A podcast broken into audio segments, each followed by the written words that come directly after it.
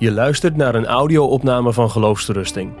De video die bij deze opname hoort kun je vinden op onze website. Ik wil met jullie eh, vanavond eh, nadenken over Exodus 12 en zien wat we ontdekken over Gods uh, patronen. Wat nou typisch voor God is. En uh, wat, ik eigenlijk, wat ik eigenlijk een beetje hoop, is dat terwijl je naar mij luistert en mij hoort dingen hoort vertellen en hoort uitleggen, dat je zelf uh, een klein beetje meedoet. Dat je gewoon meebrengt. Want er zit zoveel in zo'n tekst. Ik ga lang niet alle lijnen trekken die er wel degelijk in zitten. En eigenlijk is dat jammer.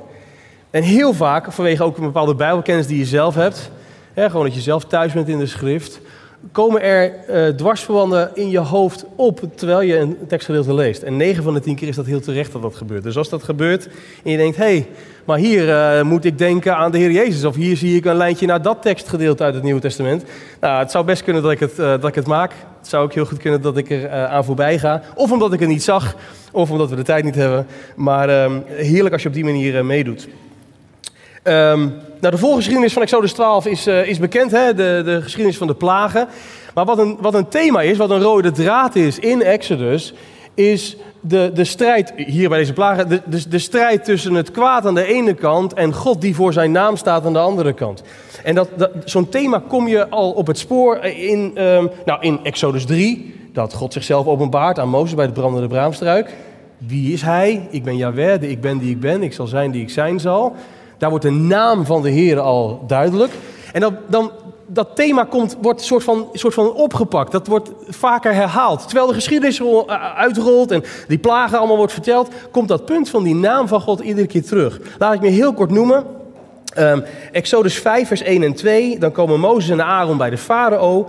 En dan zeggen ze: Zo zegt de Heere, de God van Israël, laat mijn volk gaan. En um, uh, Maarten zet het maar anders op het scherm ook, uh, Exodus 5, vers 1 en 2. En dan in het tweede vers, maar de farao zei, wie is de Heere naar wiens stem ik zou moeten luisteren door Israël te laten gaan? Ik ken de Heere niet. Ik ken de naam van Yahweh niet. Dus de naam van Yahweh is in hoofdstuk 3 geopenbaard. En hoofdstuk 5 klinkt het, ja, eigenlijk klinkt die vraag nu, maar die klinkt nog veel vaker in uh, Exodus door. In, als de geschiedenis zich verder ontvouwt en al die plagen komen en, en straks het paascha en, en, en de uittocht dan klinkt als het ware op de achtergrond dat refreintje van. Dan hoor je de, stem van Farao terwijl die wegzakt in het water, bij van straks in de Rode Zee. Hoor je hem nog roepen: Wie is God? Wie is de Heer? En waarom zou ik naar hem luisteren? Who cares? Weet God dan niet dat ik Farao ben? De strijd tussen God en de goden van Egypte. En het, het gaat om die naam van de Heer. Dat blijkt uit hoofdstuk 6. In hoofdstuk 6, vers 5 tot met 8 zie je dat, dat, dat God zich laat bekendbaar maakt aan het volk Israël. En tegen hen zegt, ik ben de Heere, ik ga jullie uit de slavernij bevrijden. Ik vat het even samen. En dan zegt hij even verderop, ik zal u tot mijn volk aannemen, ik zal u tot een God zijn. U zult weten dat ik de Heere, uw God ben. Je hoort Farao in het vorige hoofdstuk zeggen, wie is God? En God zegt tegen het volk Israël, jullie zullen het weten wie Yahweh is. Jullie zullen het weten.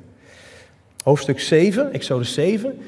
Farao verhardt zich in ongeloof, wil niet luisteren. En dan staat er in Exodus 4, vers, uh, 7, vers 4 en 5. De farao zal naar u niet luisteren, maar ik zal mijn hand op Egypte leggen. En dan even verderop, hè, zware strafgerichten. En dan, dan zullen de Egyptenaren weten dat ik de Heer ben. Ik zou maar zeggen, in ieder hoofdstuk kom je dat tegen. Exodus 3, God laat, maakt zijn naam bekend. Exodus 5, Farao heeft geen flauw benul wie de naam van de Heer is en wie hij is en waarom zou hij moeten luisteren. Hoofdstuk 6, ik, eh, God zegt tegen Israël, ik zal jullie mijn naam bekendmaken en ik zal jullie verlossen. Jullie zullen aan mijn handelen zien wie ik ben. En, en, en een hoofdstuk 4 verder zie je, en de Egyptenaren zullen het ook weten. Maar Israël ontdekt wie God is door zijn verlossing en Egypte ontdekt wie God is door zijn dreigement en oordeel die komt. Door verlossing maakt God zijn naam bekend aan Israël. En vanwege het oordeel wordt het ook duidelijk wie hij is in Egypte. Een heerlijk opvallend patroon. Wat wel trouwens een triest is, patroon is, is Exodus 6, vers 8. Dat, dat kom je ook eigenlijk in de hele Bijbel weer tegen. Dat na dit alles gezegd is, dat je dan leest, eh, Exodus 6, vers 8. Maar het volk was zo moe van al het getop in Egypte dat ze niet luisterden naar de stem van de Heer. Gelukkig hebben wij in Exodus 12 gelezen dat ze toen wel luisterden. bij de instelling van het Pascha. Hè? Dat, dat is ook opvallend iets. Dan, bij vers 28. En het volk luisterde. Dat, dat, dat je denkt, oh, nou, een paar hoofdstukken geleden nog niet. Toen maakte God zich bekend wie die was. En dat verlossing komen zou. En je houdt je hart vast. Gaat dit volk het ooit leren? Gaan ze in geloof luisteren naar God en doen wat hij zegt? Nou, wij hebben al gelezen in Exodus 12. Ja, ja dan wel. En toch, je kent je Bijbeltje, je weet. Ja, dit herhaalt zich wel heel vaak in de geschiedenis van Israël. God spreekt, God handelt, God verlost, God doet. En zijn volk, zij die naar zijn naam genoemd zijn, luisteren niet naar zijn stem. Wat maakt dit hoofdstuk, dat twaalfde hoofdstuk, nou zo bijzonder? Dat is omdat het staat voor dat tiende plaag. We hebben negen plagen gehad en je telt mee plaag 1. Oeh, dat is heftig. Plaag 2, nou, dat wil je niet meemaken. Plaag 3, 4, 5. En dan kom je weer 7, 8. Goeiedag, wat gaat God allemaal maar niet doen je om te laten. Eén voor één draait Yahweh, de goden van Egypte, alle kwade machten. Hij draait ze één voor één de nek om. Eén voor één staan ze naakt aan de dijk. Die goden van Egypte, ze zijn niks. Het zijn afgoden. Ze hebben geen kracht en macht. De ultieme macht en kracht ligt in de naam van Yahweh. Hij is de eeuwige. En dan denk je, ja, en tien. Want je weet dat er nog een tiende plaag komt. Dat volk Israël heeft ook staan kijken van, hoe, je zou Yahweh maar tegen je hebben. Dan heb je een probleem. Moet je zien. De ene plaag is nog verschrikkelijker dan de andere, maar Farao overhardt zich, luistert niet en met hem het volk Egypte, wat daarin in kluis is. Drama tot en met. En Egypte, of, uh, Israël staat te kijken in het land Goos en zegt, nou, wij blij dat wij Yahweh dienen, dat Hij onze God is. Want je zou hem maar tegen je hebben. Dan heb je een probleem. De shock van de tiende plaag is dat nu ook het land Goos een probleem heeft. God zegt, je moet voorzorgsmaatregelen nemen, want ik ga in die strijd tegen de goden, de strafgerichten tegen de goden van Egypte, bezoek ik alle afgoderij. En die afgoderij blijkt er ook bij de Israëlieten te zitten. Je komt er niet mee weg. Niemand is veilig als God met zijn dreiging van toorn en oordeel komt. Als dat klinkt, dan heeft iedereen zich te bergen. Dan heeft iedereen wat te vrezen. En de Israëlieten komen tot een schrik erachter. Oké, maar, maar, maar nu gaat God ook bij ons op bezoek. Twee volken in één land. Heel verschillend, maar ze hebben beiden een oorprobleem en een hartprobleem. Wat dat betreft zijn ze hetzelfde. Als God toorn, Gods toorn het hart raakt, dan is niemand meer veilig. In tegenstelling tot de Egyptenaren krijgt Israël krijgt een, een weg van verlossing aangeboden. Er is een manier om aan die verderven te ontkomen. Jullie hebben het gelezen, jullie weten dat het deze kant op gaat. Want dat is nieuw natuurlijk voor het volk Israël. Zij krijgen voor het eerst te horen dat deze God een toornige God is, die alle zonde, afgoderij bezoekt. En tegelijkertijd zegt hij, ik bied je genadig mijn vriendschap aan. Je kunt wegkruipen voor deze toorn. En dat is wat we lezen in Exodus 12, vers 1 tot en met 13. En, en, en de, het feest van ongezuurde broden, wat er helemaal bij hoort. Waar Pascha klinkt, klinkt ongezuurde broden. En waar ongezuurde broden genoemd wordt in de Bijbel, daar klinkt Pascha. Um, in heel Exodus 12 ontdek je dat dat de weg is waarin God verlossing biedt. Laten we gewoon eens bij dat eerste gedeelte beginnen, vers 2. Deze maand, zegt God, zal voor u het begin van de maanden zijn. Hij zal voor u het eerste zijn van de maanden van het jaar. Ik zeg het wel eens vaker als ik een stukje uit de Bijbel lees, maar dit zijn versen die ik eigenlijk soort van altijd oversla. En ik zeg het niet omdat ik daar dan trots op ben, maar omdat ik gewoon gok dat er ook onder jullie zijn die dat doen. Net als ik. Gewoon, ja, weet je, wat kan daar nou voor moois in zitten? Dat, dat, geen idee wat dat betekent. En je skipt gewoon door. En zodra het over bloed, genade, geloof, redding gaat, oordeel, dan oké, nou, now we're talking about something. Maar, maar dit is al fascinerend. Dat God zegt, jullie zijn gewoon je leven aan het leven, de agenda loopt. Maar op dit moment, eh, even met onze telling gerekend, dat was in die tijd natuurlijk anders. Maar je zit op de laatste dag op de laatste dag van augustus en God zegt morgen, morgen niet 1 september, morgen 1 januari. Uh, maar waarom? Dat is een chaos voor mijn werk. Dat is een, uh, trouwens, wanneer gaan we dan kerst vieren? Dat slaan we dan dit jaar over. Uh, en alle feesten dan die we doen. En, en, en de boeren, die, die raken ook de kluts kwijt. Wanneer moeten ze dan gaan zaaien en oogsten? Dat wordt een gekkenhuis. Als opeens de agenda hopsakee op zijn kop gaat en opeens op de resetknop gedrukt wordt. En God zegt, ik doe het toch. Wat ik nu ga doen, is zo alles bepalend. Het leert je zo wie ik ben, wat mijn naam is. Het leert je zo wat nou typisch mijn manier van doen is. Want in wat ik doe zie je wie ik ben. Ik druk op nul. Morgen begint een nieuwe dag. Het is de eerste dag van het jaar. God zegt, dit is zo key. Ik zat later bij mezelf te denken van, hé, ja, dat is wel heel fascinerend. Ik kan alleen aan kerst denken, dat dat gebeurt. Met kerst, ja, dat is wel achteraf gebeurd. Maar met kerst gaat ook de klok achteraf gezien op nul. Maar hier is God die het initiatief neemt. Op nul. En dan spreek tot heel de gemeenschap van Israël, vers 3. Op de tiende dag van deze maand moet ieder voor zich een lam per familie nemen, een lam per gezin. Maar als het gezin te klein is voor het lam, dan moet hij er samen met de buurman die het dichtst bij zijn gezin woont innemen. Overeenkomstig het aantal personen. Je moet rekening houden met wat een ieder eten kan. Het lam moet in huis genomen worden en het is een kostbaar lam, blijkt hieruit. Je mag dat niet verspillen. Je mag niet zeggen, nou ja, weet je, wij zijn met z'n tweetjes thuis. We hebben geen kinderen en, en, en trouwens, we zijn ook niet zo hele grote eters. Maar ja, dan kom je met zo'n lam aanzetten. Ja, dat ga je nooit opkrijgen. Nou, dan bewaren we het wel voor morgen en voor overmorgen. Nou, je hebt als goed is straks meegelezen. Dat mag ook niet. Het is een kostbaar lam. Zorg ervoor dat dat lam niet verspild wordt. Dat er maximaal gebruik wordt gemaakt van dit lam. Het lam is te kostbaar. Vers 4. En dan vers 5. U moet een lam zonder enig gebrek hebben. Een mannetje van een jaar oud. U moet het van de schapen van de geiten nemen. Nou, mooi. waarom zonder gebrek?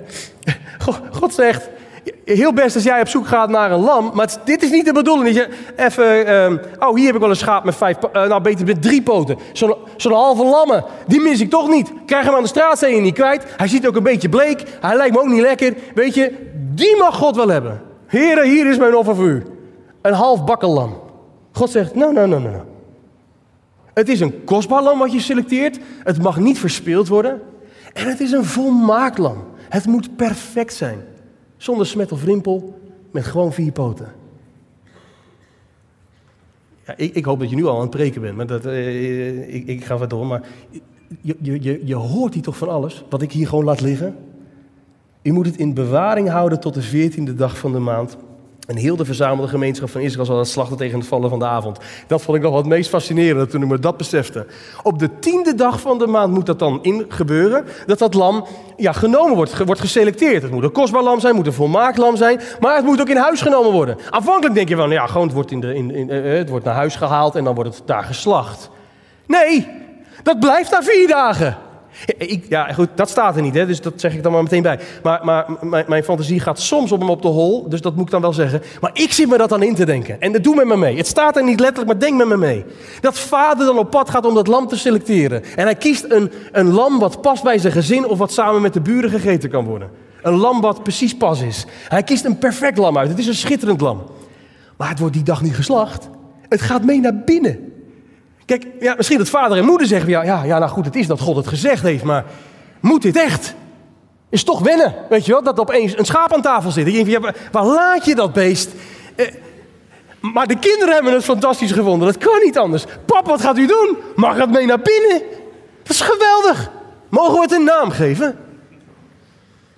Of het allemaal exoog zo gegaan is, dat staat er niet. Maar één ding is wel duidelijk. Het komt op de tiende dag in huis. Het wordt in huis genomen. En stel zelf maar voor hoe dat er dan uitziet. Ik heb een voorzetje gedaan. En op de veertiende dag wordt het pas geslacht. Je raakt verbonden met dat lam. Het lam is een kostbaar lam. Het is een volmaakt gaaf lam. Het is ook een dierbaar lam. Bij de vierde dag, als het dan geslacht moet worden, je hebt dat uit te leggen aan je kinderen. Ze hebben het misschien net een naam gegeven. Ze zijn eraan gehecht. De eerste dag was maf. De tweede dag was een beetje een apart. Maar de derde dag begon je er toch aan te wennen dat dat beest in huis zat. En de kinderen hebben het allicht geweldig gevonden. Je raakt gehecht aan dat dier. Het is een dierbaar lam. En dan op de vierde dag moet het geslacht worden. Maar pap, waarom? Ik dacht dat het ons huisdier was. Waarom maakt u het dood? Dit is. Dit is toch niet nodig? Vers 7. Het wordt geslacht en ze zullen het bloed nemen en het aan de deurposten strijken. En de bovendoppel aan de huizen waarin ze het eten.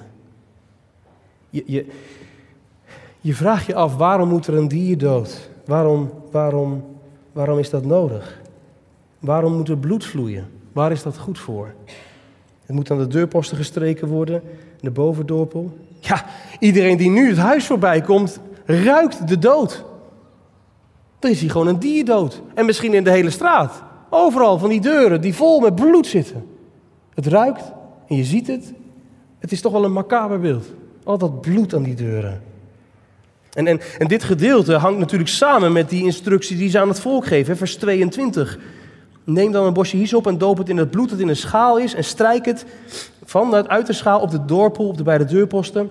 En niemand mag het huis uiten. Tot twee keer toe. Aan beide kanten, als een soort vlinderstructuur. In het midden is, dat, is, die, is die instelling van het feest van ongezuurde broden. En aan beide kanten zie je die herhaling van die instelling van dat pascha. Schuilen achter het bloed van het lam. En dan verder, vers 8, 9 en 10. Ze moeten het vlees dezelfde dag nog eten, op vuur gebraden, met die ongezuurde broden. En jij weet nu, oh, maar dat, maar dat, gaan, ze, dat gaan ze een hele week eten strakjes. Ongezuurde broden, bittere kruiden, je mag niets rauw eten. Het is niet de bedoeling dat je je eigen kookkunst erop loslaat. Ja, maar ik vind het altijd lekker als je... Het is niet ter sprake. Het is Gods avondmaal. Het is Gods instelling. Dit gaat niet over wat jij het fijnste vindt, of het lekkerste vindt, of het meest passende vindt. Maar deze ongezuurde broden, die bittere kruiden en het lam dat gegeten wordt, is de instelling van God. Wij eten het en wij eten het zo omdat God het gezegd heeft en wij zijn Hem gehoorzaam. Nou, blijft er toch nog een stukje over. Nou, dat doen we dan morgen. Vers 10, u mag daarvan ook niets overlaten tot de morgen. Ja, maar dat doen we toch altijd? Dan stoppen we toch in, nou niet in de koelkast uiteraard, maar we bewaren het toch. Verspilling is toch niet goed? Nee, verspilling is niet goed. Maar dit lam is een uniek lam. Het is een kostbaar lam, het is een volmaakt lam, het is een dierbaar lam. Het is het lam apart gezet om achterweg te schuilen. Dit lam is niet om te bewaren voor morgen. Deze lam, dit lam is voor vandaag. Wat er, van de, wat er morgen nog over is, moet u met vuur verbranden. En dan nog weer verder. Zo moet u het eten, vers 11. Uw middel omgord, uw schoenen aan uw voeten en uw staf in uw hand. En u moet het met haast eten, het is het paascha voor de heren. Ik, ik grijp even naar het laatste stukje van, van uh, het gedeelte wat we lazen. Dat er gezegd wordt, als dit dan gebeurt, dat de kinderen dan vragen... Waarom is dit? Nou, hier, hier, ja, ik, bij iedere keer breng ik die kinderen in, maar dat kun je je toch voorstellen dat die kinderen dat vragen? Waarom dat lam de hele tijd in huis moet blijven? Waarom het dan nadat het in huis gebleven is geslacht moet worden? En dan nu dat ze dat dan moeten eten met ongezuurd brood en bittere kruiden. Maar mam, zo vind ik het helemaal niet lekker. En dat moeder zegt, ja, maar daar gaat het dus nu even niet om. Het gaat er niet om wat jij lekker vindt. Het gaat om wat God gezegd heeft. En, en dan ook weer hoe het dan gegeten moet worden. Middel omgord, schoenen aan uw voeten, staf in uw hand. En het kind zegt weer, maar, maar, pap, ik vind, het, ik vind het raar. Zo doen we het nooit. Waarom moet ik mijn schoenen al aan? Waarom heb ik mijn rugzak al om? Waarom moet ik staan? Alsof we ieder moment kunnen vertrekken. Ik vind het juist lekker om even rustig te zitten. En vader zegt: Dit is geen gewone maaltijd. Dit is een maaltijd voor de Heer. Wat wij eten en ook hoe wij eten, is niet allereerst om jouw buik te vullen, jongen, maar om jouw ziel te voeden. Wij vieren dit en wij doen dit vanwege Gods verlossend handelen in het ons leven. En later zullen ze het opnieuw vieren en zeggen hoe God ons eens bevrijdde. Daarom eten we het en daarom eten we het zo. En jij wil het misschien anders, maar dit eten we niet om je buik, maar je eet het voor je ziel. Exodus 12, vers 24 tot 27 zie je dat. Een verordening voor uw kinderen tot een eeuwigheid. En dan eh, aan het eind, dit is een paascha voor de Heren. Daarom doe je het en daarom doe je het zo. Een machtig vers is vers 13. Want ik zal in de nacht door het land Egypte trekken en alle eerstgeborenen in het land Egypte treffen, van de mensen tot het vee. En ik zal aan al de goden van Egypte naar strafgerichten voltrekken, vers 12 en dan vers 13. En het bloed zal u tot een teken zijn aan de huizen waarin u verblijft. Als ik het bloed zie, zal ik voorbij gaan. En er zal geen plaag onder u zijn die te verderf teweeg brengt als ik het land zal treffen. Ik zei het net al, je ziet al die gemarkeerde huizen met bloed aan de deur. Een bloed als een teken. Hier is de dood al geweest. Een ander is gestorven. Als ik het bloed zie. God zegt, als ik dat zie, dan ga ik aan je voorbij. Zo, zo apart ook. Gewoon, laat me zeggen, in de Nederlandse taal vandaag de dag. Als je zegt, ja, nou, ik ben gewoon even gauw aan die voorbij gegaan hoor. ik had er even geen zin in. in. Als je het zo zegt, dan is voorbijgaan iets negatiefs. Dan is, als je aan iemand voorbij gaat, dan, dan, dan negeer je iemand. Dat, dan kijk je de andere kant op. Dan, dan wil je die ander even niet zien. Dat is heel negatief. Aan iemand voorbij gaan. Iemand passeren. Maar hier, hier is het feest. Je staat juichend in je keuken. Als je ziet, God gaat genadig aan ons voorbij. Hij heeft het bloed gezien aan de deur. Want hij gaat alle huizen aan. En waar geen bloed is, sterft de eerstgeborene. Geloof is hier zo allesbepalend. Geloof jij het dreigement van God? Dat hij met zijn strafgerichte komt om alle afgoderij te killen in Egypte. En als straf op al die afgoderij de eerstgeborene te sterven. Geloof je dat dat dreigement waar is? En dat hij het echt gaat doen? Er komt een dag en hij komt langs. En twee, geloof je ook dat als je zijn instructies volgt en schuilt achter het bloed, dat je dan veilig bent? Dat je met het grootste gemak en met lachen aan de keukentafel kunt zitten met je gezin. Spelletjes kunt doen in de keuken, terwijl de engel van het verderf voorbij komt. Dat je, als je gaat slapen, met een gerust hart kunt slapen. Omdat je gelooft dat wat God zegt. Geloof is zo beslissend. Je gelooft zijn dreigement en het bracht je vrees. Je gelooft zijn boodschap van redding. En het bracht je hoop en vreugde en moed en toekomst. En je haastte je om in de praktijk te brengen wat God van je vroeg. Dat vers 13 geeft zoveel gewicht. Het is niet voor niks dat het opnieuw herhaald wordt aan het eind van dit gedeelte wat we lazen. Als ik het bloed zie, dan ga ik niet aan je voorbij. Als ik het bloed zie, zie ik dat de dood hier al geweest is. Een ander is gestorven in jouw plaats. En daardoor, daardoor mag jij vrij uit. Opnieuw hoor je dat kind het nog vragen, weet je wel. Van, maar papa, waarom moet dit beest dood? Ik dacht dat het een huisdier was. Je hoort hem dat nog zeggen. En nu weet je, maar vader is daar niet gestopt. Hij is niet, hij is niet gewoon weggelopen met dat lam en dan maar gewoon doodgemaakt. Hij heeft die waarom-vraag gebruikt als het perfecte moment om geloofsopvoeding te doen om antwoord te geven op die vraag: waarom moet er eentje dood? Als uw kinderen straks zullen vragen: wat betekent deze dienst voor u? Is niks anders dan dat dat kind zegt: maar pap, waarom? We hebben het vier dagen in huis gehad. Zo had ik het niet bedacht. En dat vader zegt: jongen, hij zegt dat tegen zijn oudste zoon: kom eens mee. Huk eens door je knieën. Kijk dat beest wat nu al vier dagen bij ons is. Wat zo'n zo mooi beest is. Ziet er prachtig uit en het is een lief dier. Kijk het eens in de ogen. Dit beest gaat zo meteen zijn ogen dicht doen. Zodat jij morgen, als de zon weer opkomt, je ogen open doet. Dit beest gaat dood in jouw plek. Dit beest geeft zijn bloed, zijn leven. En het wordt als een teken aan onze voordeur waar jij en ik achterweg schuilen. En jij kunt rustig gaan tukken. En ik slaap met een gerust hart, want morgen wordt mijn zoon weer wakker. Ik hoef hem niet kwijt als God met zijn oordeel komt. Want God heeft beloofd als je schuilt achter het bloed van het lam, dan ben je veilig. Jongen, daarom moet hij dood. En nu moet ik gaan. De dood is al geweest. Hier is een andere dood gegaan. Bloed brengt verbinding en herstel. One-ment, atonement. Het verzoent. Je schuilt erachter weg. En als je dit allemaal hoort, ik weet eigenlijk gewoon zeker dat je al lang een paar keer hebt gedacht: oh, wat liggen hier lijnen naar het Nieuwe Testament, zeg. Hoe schuilen wij ook vandaag de dag hier in Barendrecht, als het goed is, met geloof achter het bloed van Christus weg? Wat zijn wij ook veilig voor de dreigementen en de toorn? Oké, vandaag bezoekt God Egypte niet, maar hij, hij zoekt ook ons op. En we weten dat hij op een dag komt in recht en oordeel. En het zal klinken. Zijn dreigementen zullen waar blijken te zijn. Er komt een dag waarop iedereen rekenschap moet geven van zijn leven. En ik ken mezelf. Ik ken de afgoderij in mijn leven. Ik blijf nergens als God mij opzoekt. Maar ik heb gehoord van Jezus Christus dat ik weg kan schuilen achter zijn bloed. Het feest van het Pascha. Ik kwam erachter, het viel me opeens op toen ik dat voorbereiden was en ik las wat commentaren in het Engels ook. Dan spreek ik natuurlijk niet over Pascha, maar over Passover. Toen dacht ik, oh wat jammer nou. Wat is Engels eigenlijk af en toe gewoon schitterend. Passover. Het Pascha, het feest van Passover. Wij vieren dit feest, jongen, omdat God voorbij gaat. Het is het feest van het voorbijgaan. God gaat genadig aan jou en mij voor mij. Genade is, Gods toorn is er niet voor mij. Maar Hij gaat genadig aan mij voorbij. En met nieuwtestamentische oren zeg je, ja, maar wat ze daar geloofden en wat ze daarop vertrouwden, dat is vandaag nog precies hetzelfde. Ik zou alleen met, met meer kennis van de schrift en met meer kennis van Gods heilsplan, zou ik er Christus bij stoppen. Ik, ik zou nu zeggen, Gods toorn is niet voor mij, maar voor Christus. God gaat genadig omwille van Christus aan mij voorbij.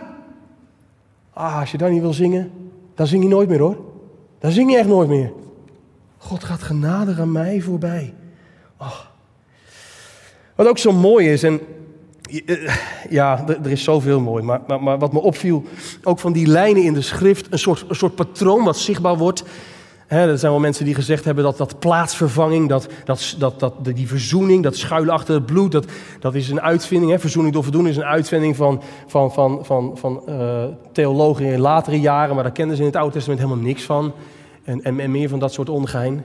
En dan kom je in de Bijbel opeens een soort, soort progressieve lijn tegen. Dat, dat, dat wegschuilen achter een ander. Dat, dat plaatsvervanging, dat dat eigenlijk all over the place is. Als je maar ogen hebt.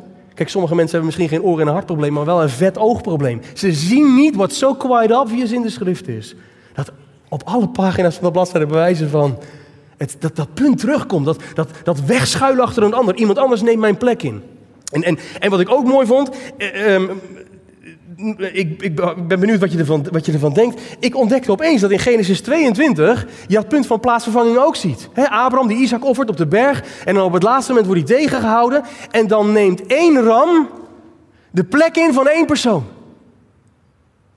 Niet Isaac sterft, maar het ram. Eén Bijbelboek verder. Exodus. Eén lam in de plek van een heel gezin. En soms zelfs de buren er nog bij de plaatsvervanging wordt steeds groter. Nu, is het niet één persoon, Isaac, maar nu is het een heel huisgezin. Soms zelfs twee bij elkaar. Die wegschuilen achter het lam. Hij dood in onze plek. Ik hoop dat je je Bijbel kent en je denkt, oh Marcel, we, we haven't started yet. Man, het moet nog, er komt nog wat aan hoor in het Oude Testament. Dit is pas het begin. We gaan in de rest van het Oude Testament veel meer zien. Dat, dat er een heel volk gewoon, een heel volk schuilt weg achter de dood van één dier.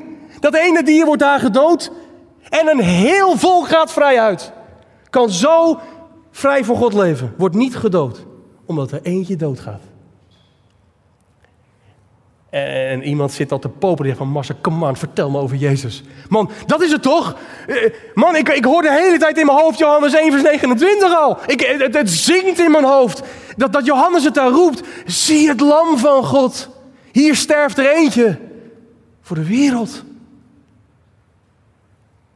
Eén in de plek van Isaac. Een lam in de plek van een gezin. Een dier sterft voor een heel volk.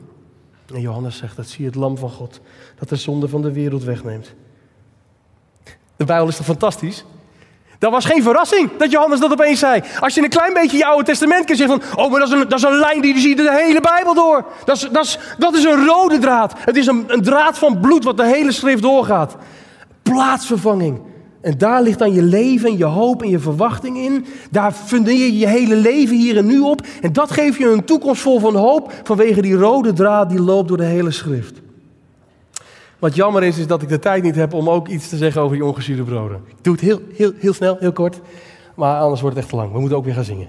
Maar, maar heel iets over die ongezuurde broden. Uh, ik vind het zo mooi dat dat Paulus in 1 Korinthe 5 vers 7 het feest van het voorbijgaan, Pascha, en het feest van de ongezuurde broden bij elkaar brengt en houdt, wat het altijd al was, en het verbindt aan Christus. Als jij zelf nog niet had, de clue had gemaakt van, oh, maar dit is een lijntje naar Christus, dan doet Paulus het even voor je, zodat je met terugwerkende kracht kunt zien dat alles al heen wees. Zonder dat die Israëlieten daar en toen door hadden hoe het precies zat. Maar wat ben jij bevoorrecht, zeg? Dat je met, met, met, met nieuwtestamentische ogen en een bril terug kunt kijken en zeggen: Oh, wat was God daar al typisch bezig? En wat zal dat blijken straks in Christus? Hoe dat waanzinnig prachtig wordt vervuld. En 1 Korinthe 5, vers 7, daar zegt Paulus: Verwijder dan het oude zuurdeeg, opdat u nieuw deeg zult zijn. U bent immers ongezuurd. Feest van ongezuurde broden wordt aan gerefereerd. Ook ons paaslam is voor ons geslacht Christus. Paascha. Je ziet dat hij die twee samenbrengt. En Om er niet zelf veel te veel over te zeggen, wil ik je een, een kort dingetje aanhalen van Philip Ryken. Hij is Amerikaanse theoloog en, en, en heeft ook veel Bijbelcommentaar geschreven. En ik, ja, ik vind dat echt prachtig. Er zijn veel commentaren die ik prachtig vind, maar van Ryken vind ik ook geweldig. Uh, en, en, wat hij zegt is, um, hij zegt, je, je kunt bijna niet misgaan als je zegt, Pascha en het feest van de ongezuurde broden. Hier in Exodus, met nieuwtestamentische ogen, zie je iets van rechtvaardiging en heiliging. Het functioneert daar natuurlijk niet op die exacte letterlijke manier helemaal uitgekristalliseerd zoals wij het weten met de informatie van de Romeinenbrief en Paulus. Maar je, je krijgt zichtbaar dat, dat, dat punt van dat, je, dat jij niet voor jouw eigen rekening staat, maar dat je doordat je wegschuilt in geloof achter bloed, dat jij daardoor vrij uitgaat. Is dat niet gewoon rechtvaardiging van de goddelozen door het geloof alleen? En het feest van de ongezuurde broden. Dat je een brood bakt, maar dan niet bedorven stukje deeg van de vorige keer. Dat bewaren ze dan, zodat het lekker zou smaken als je dat... Dat klinkt een beetje gek, maar wat bedorven is, klein stukje erin stopt. Maar daardoor gist het veel lekkerder, is, hij veel luchtiger, smaakt hij beter. Dat is hoe je een, normaal gesproken een brood bakt in het Oude Oosten. Dat je iets van het oude, iets van dat bedorven erin stupt, een klein beetje. Maar dat oude bedorvene zorgt er wel voor dat hij heerlijk luchtig rijst. En, en, en, het feest van ongezuurde brood is, nee, dat doen we niet. Dat oude van Egypte, dat, dat oude, dat bedorvene, dat, dat doen we weg. We hebben er ook helemaal de tijd niet voor. Om eens even rustig te laten reizen en die zeven dagen dat te gaan vieren, want we moeten morgen weg.